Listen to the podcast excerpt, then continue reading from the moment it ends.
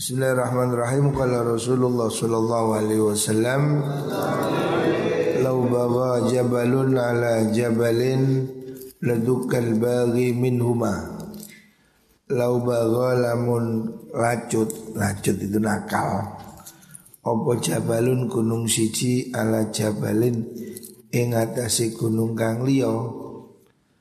Laduka mongko yakti bakal dencur Opo al-bagi kang lacut minuma saking mengkuno jabal ini. Maksudnya siapa pun yang berbuat jahat, siapa pun yang berbuat zalim akan dihancurkan. Walaupun itu seandainya berupa gunung. Gunung nang nakal ke gunung yang lain. Ya padahal masuk ono gunung nakal. Ya apa caranya? Ini hanya maksudnya menunjukkan betapa perbuatan jahat itu pasti akan dibalas. Rawahu Ibnu Lal an Nabi Hurairah. Lau ta'lamu nama a'lamu Nabi bersabda Lau ta'lamu lamun weruh sira kabeh ma ing perkara a'lamu kang weruh sapa ingsun La dhahiktum yakti guyu sira kabeh Kalilan kelawan sedikit Wala bagaitum lan yakti nangis sira kabeh Kathiron kelawan akeh Kalau kamu ngerti apa yang dilihat oleh kanjeng Nabi ya. Maksudnya kanjeng Nabi ini sudah melihat kesulitan ketakutan manusia pada waktu nazak. Nazak itu kematian itu. Dan di alam barzah dan di hari kiamat ya itu semuanya membuat Nabi sedih. Seandainya kamu tahu kehidupan itu neraka ini itu kamu pasti tidak banyak tertawa. Tadhahiktum kalilan kamu akan tertawa sedikit. Wala bagaitum lanjut nangis sira kabeh. Kasiron kelawan akeh kamu akan rajin menangis. Artinya mengerikan sekali kehidupan setelah kematian itu. Wala faragha lan yakti oh wala ma sagha lang yakti ora kolu ora kolu maksudnya gak enak makan. Lakum kedhi sira kabeh opo atau amu panganan. Kamu pasti nggak enak makan. Wala lan ora inuman. Orang itu kalau sedih kalau susah makan pasti tidak enak ya. Terasa tubuhnya ini pikiran sakit tubuh sakit. Karena dia dalam ketakutan ibaratnya manusia yang mengerti bagaimana membahagiakan kehidupan di hari kiamat, hisab, pasti dia akan menangis, takut. Orang akan menjadi ketakutan, nggak enak makan. Rawahul Hakim an Abi Selanjutnya Nabi bersabda, Lau ta'lamun nama fil mas'alah. Lau ta'lamun alamun berusyara kabeh ma ing perkara fil mas'alati kang tetep ing dalem jaluk minta-minta ngemis.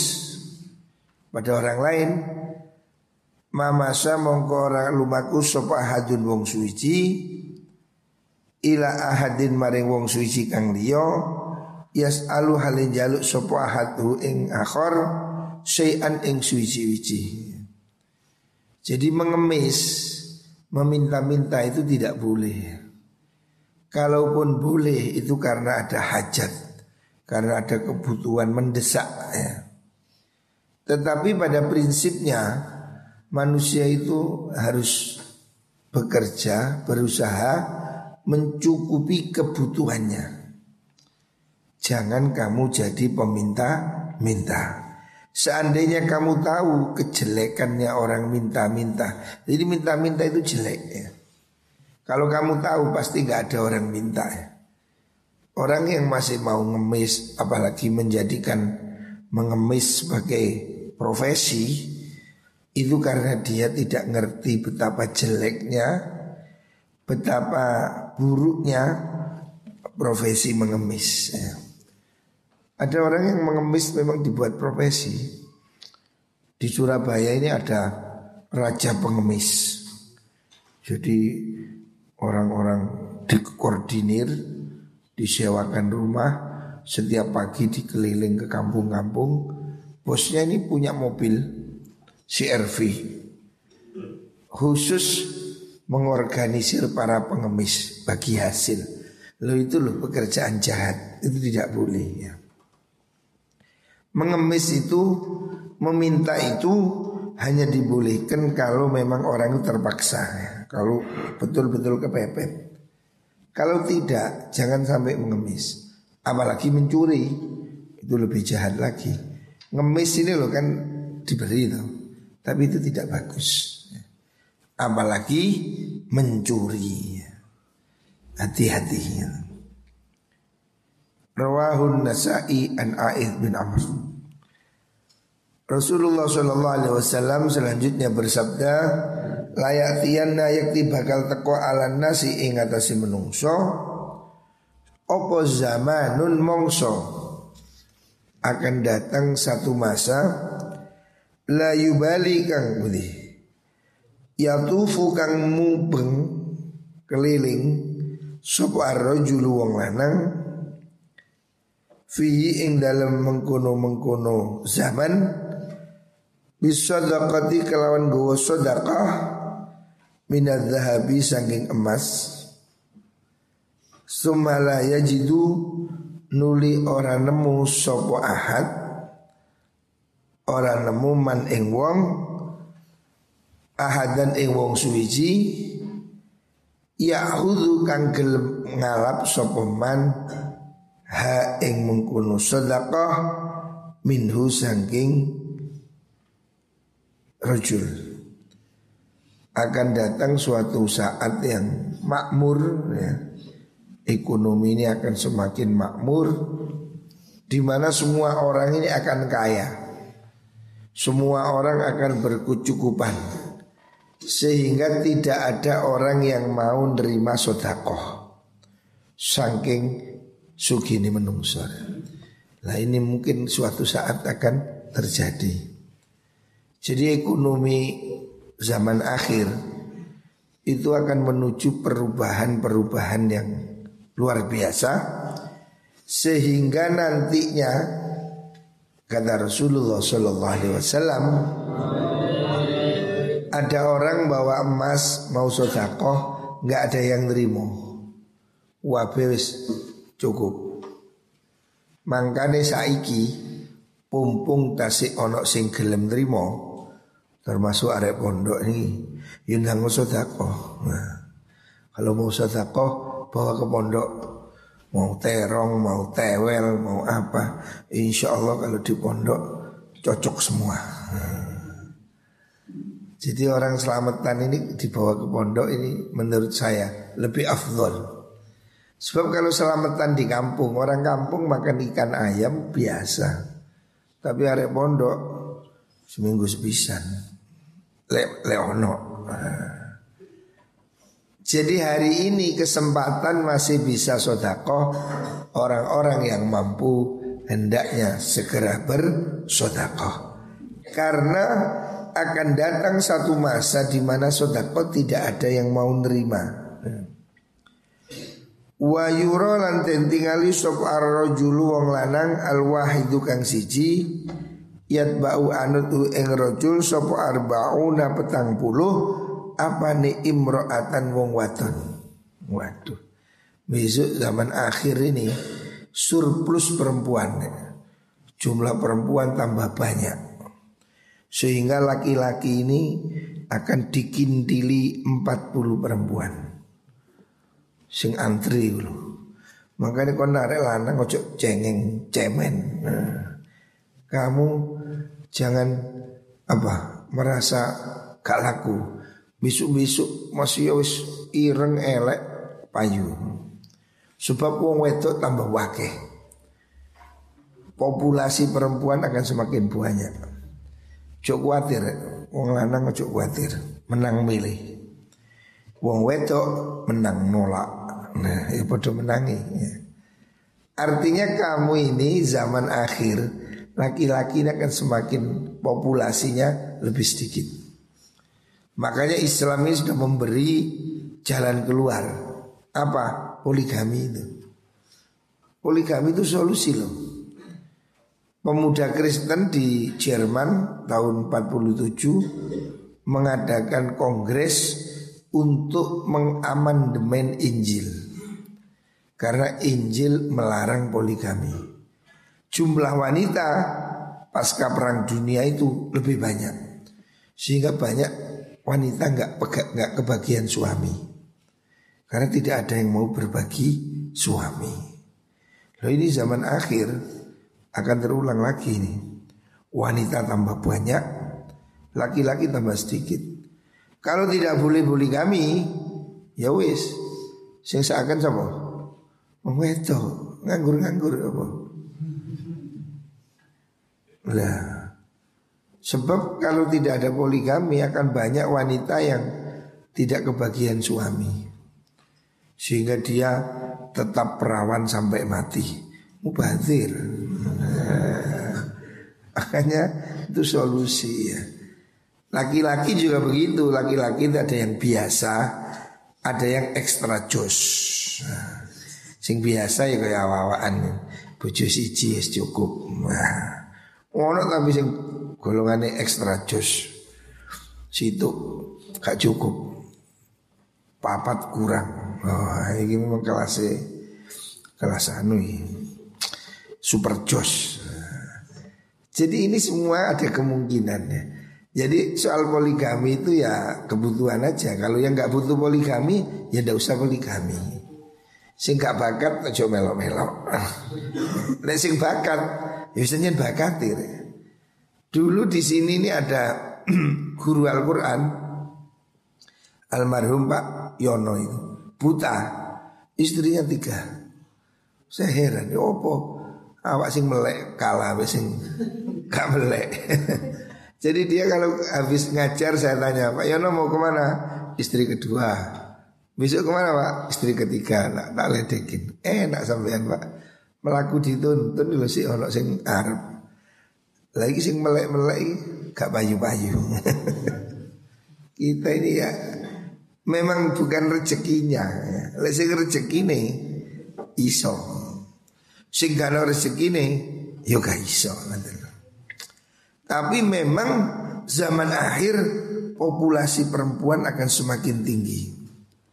Ya lillah kang padha ngungsi sapa nisa bihi klan rajul min qillatir rijali saking akeh eh setitike wong lanang wa kasratin nisa ilan akeh wong wadon. Jelas ini? Kanjeng Nabi loh yang ngomong yang yang bicara ini Kanjeng Nabi. Hadis muttafaq alaih, hadis sahih. Bahwa zaman akhir wanita akan semakin banyak, laki-laki makin sedikit. Ini bisa dicek kok. Hari ini kamu tanya ke bidan. Kusobo telat ngecek. Haji telat. Hari ini bisa dicek ke bidan Dalam satu bulan bayi lahir banyak mana Laki-laki dan perempuan Ini membuktikan kebenaran Rasulullah Sallallahu Alaihi Wasallam. Anjing Nabi sudah memberitahu 14 abad yang lalu. Jumlah laki-laki akan semakin sedikit. Makanya saya ini kakek wong kepingin tuh anak lanang. Saya punya teman anaknya cewek, cewek, cewek. Tanya sama saya, Gus kepingin punya anak laki-laki. Ya walaupun sebetulnya itu rezeki ya. Artinya punya anak perempuan itu juga rezeki, jangan merasa hina. Anak itu ya semua amanah sama aja. Artinya kita diberi anak perempuan ya harus bersyukur. Tetapi kalau kepingin anak laki-laki, nah ada resepnya. Catat ini, resep anak laki-laki. Nah. Akei wong butuh anak laki-laki. Saya sudah beberapa kali di apa namanya dimintai ini resep anak laki-laki. Jadi caranya kalau istrinya hamil tiga bulan, ya tiga bulan, kan bayi ini ada fase, fase pertama, fase kedua, fase ketiga. Kalau orang itu kehamilan tiga bulan Tiga bulan berapa hari?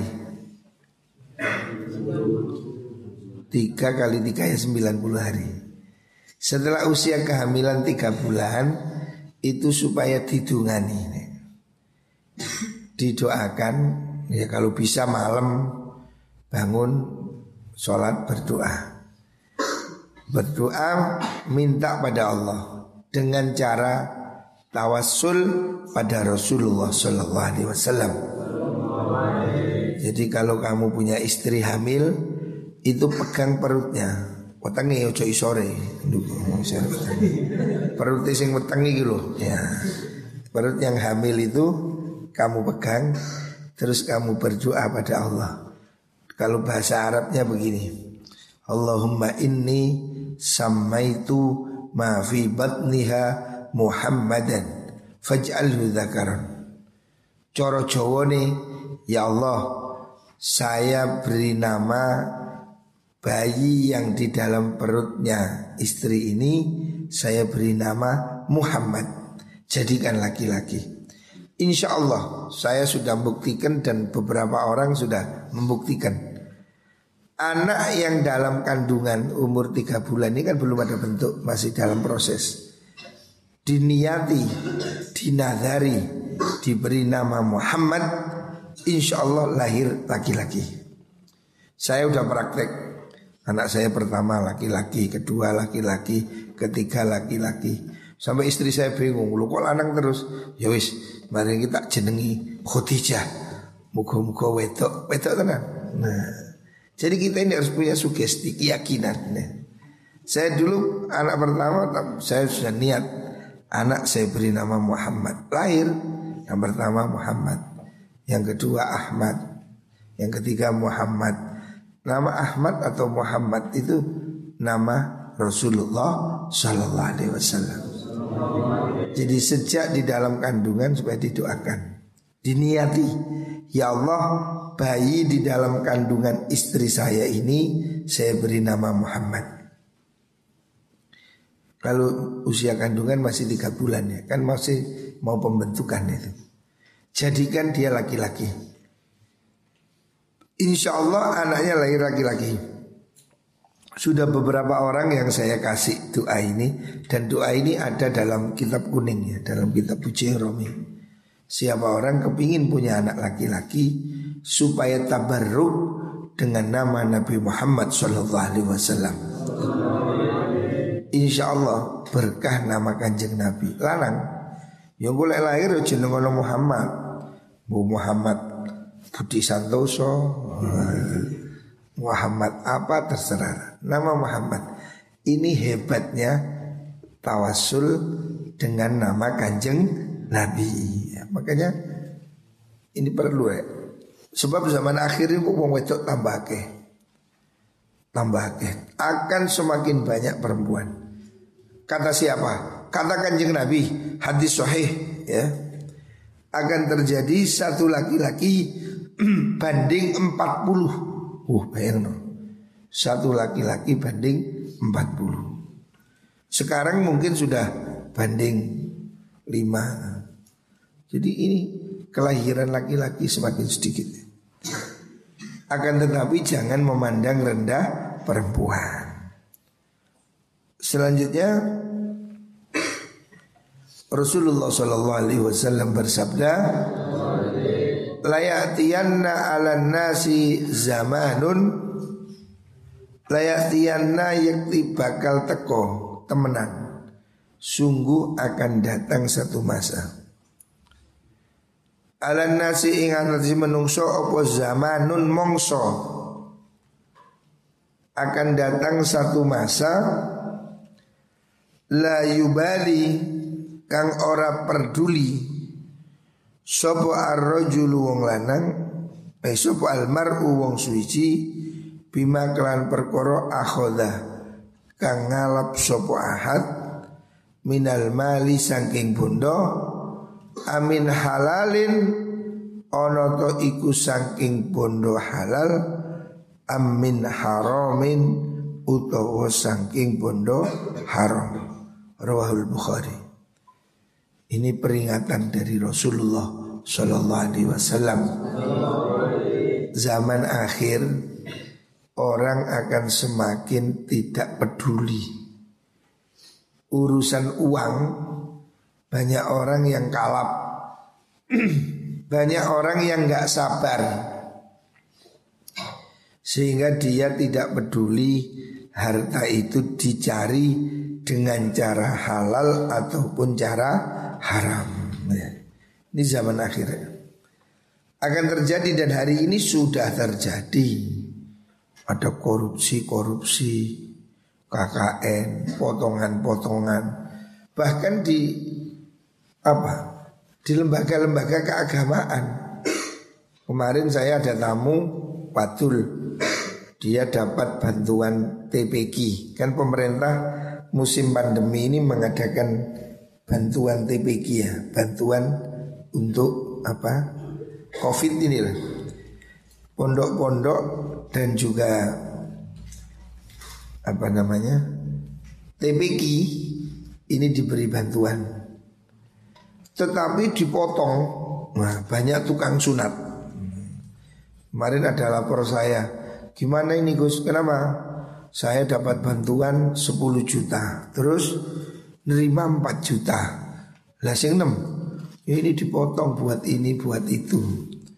Saya bilang nyunat ya kenemenan nih Nyunat ya masuk 60 persen.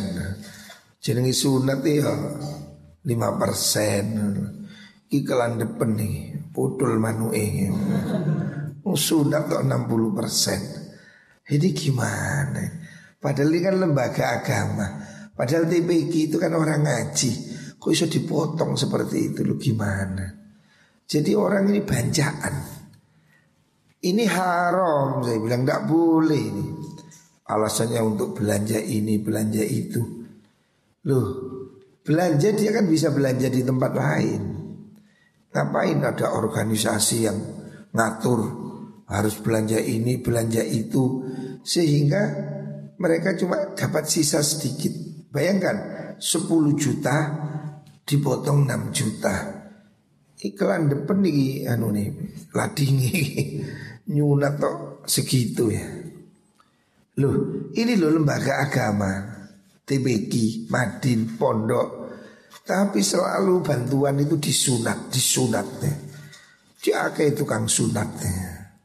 Itu haram saya bilang itu haram.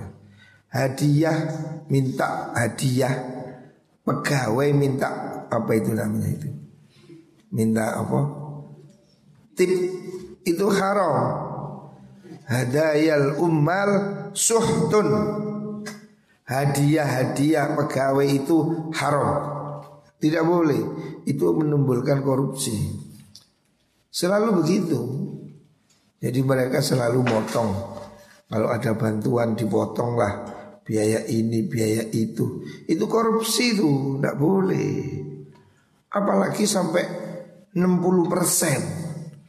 Wah ini kebangetan ini. Dan saya cek di tempat lain juga sama bantuan covid itu 10 juta potong tiga setengah potong 2 juta. Saya bilang itu haram. Itu haram. Jangan bermain-main. Motong-motong seperti itu haram. Tidak boleh sumbangan dipotong-potong begitu. Apa maunya itu? Tidak boleh. Tapi ini ada lembaga-lembaga yang memang statusnya sebagai tukang potong jadi ada orang dapat bantuan didatangi. Ini anu perlu uang ini, uang itu. apa-apaan. Itu korupsi itu. Nggak boleh ya. Saya itu nggak suka kayak gitu. Ya kalau dia minta opah, minta apa istilahnya, persen, ya yang wajar lah. Jadi memberi persenan pada pegawai yang memberi itu bisa jadi boleh kalau terpaksa. Umpamanya kalau lembaga kita tidak beri besok nggak dicatat lagi maka dia terpaksa boleh memberi. Tapi penerimanya mutlak haram, mutlak. Penerima suap itu 100% tidak ada yang halal. Walaupun dia membela yang benar. Maksudnya saya ini pejabat. Saya belani dia. Ini benar saya belani. Belani yang benar pun tetap tidak boleh nerima sokok, nerima apa pemberian. Tidak boleh. Menerimanya 100% haram. Tetapi memberinya itu bisa jadi boleh. Kalau memang dia tidak memberi, tidak dikasih. Kan begitu birokrasi ini. Contoh Bos Damadin. Pondok kita punya Bos Damadin. Dulu dapat bantuan berapa tak tahu saya 10 juta apa. Ada yang datang ke saya. Gus niki anu apa? Potongan 20 persen. Eh 20 persen enak aja itu kan duit negara. Enggak, jangan. Ya kalau minta kasihlah 5 persen. Kasih 5 persen. Tahun ngarep bantuan langsung hilang atau dipotong. Nah ini kan ada pemainnya. Nah kalau begini bagaimana ini kalau tidak ngasih saya nggak diberi bantuan boleh mengasih tapi apa itu? Karena dia terpaksa kalau nggak ngasih nggak diberi. Tetapi yang menerima 100% haram 100% Menerima suap itu tidak ada yang halal Tetapi kalau menyuapnya Untuk membela kebenaran itu boleh Contoh, kamu ini tidak salah, mau dihukum. Tapi kalau nyokok, kamu bebas. Nyokok, tidak apa-apa. Karena apa? Kamu nyokok untuk membela yang benar, mengambil hak. Kamu hakmu diambil orang. Kalau nggak nyokok, nggak beri, kamu nggak bisa dapat cokok. Kamu mau. Jadi memberi itu bisa jadi boleh kalau terpaksa. Ya, umpamanya kita ini ada hak yang tidak bisa diambil karena pemerintahan yang zolim, birokrasi yang ruwet harus bayar. Pokoknya kalau nggak bayar nggak dikasih KTP, padahal mestinya gratis. Ya bayar, nggak apa-apa. Karena kamu kalau nggak bayar nggak dikasih. Tapi yang menerima 100% haram, nggak ada yang halal. Hari ada orang, ya ini saya bikin statement, saya akan melawan, saya bilang. Siapa yang motong-motong itu mau saya laporkan. Kupu ada yang datang ke saya. Saya bilang apa maunya motong-motong. Kasihan. Mereka itu guru TPQ, guru ngaji. Masa bantuan 10 juta dipotong 6 juta. Alasannya untuk covid, covid, covid. Itu ku dewe ini toh. Jangan dimaklari ya. Mesti ini bantuan-bantuan mesti dimaklari.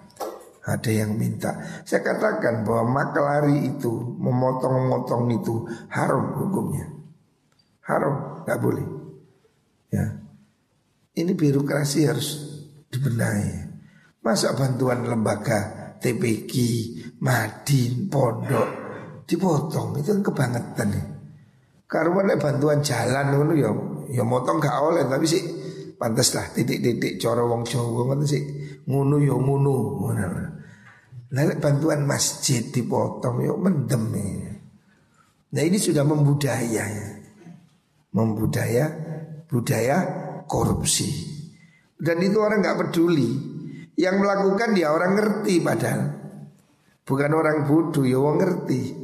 Lu kok ya teko Nah inilah benar apa yang dikatakan Rasulullah Wasallam nanti zaman akhir orang tidak peduli halal dan haram. Bu sandal, bu kadal, bu bantal, pokoknya di untal. Wis gak paham Ini ki zaman akhir. Muka-muka kita diselamatkan oleh Allah Subhanahu wa taala.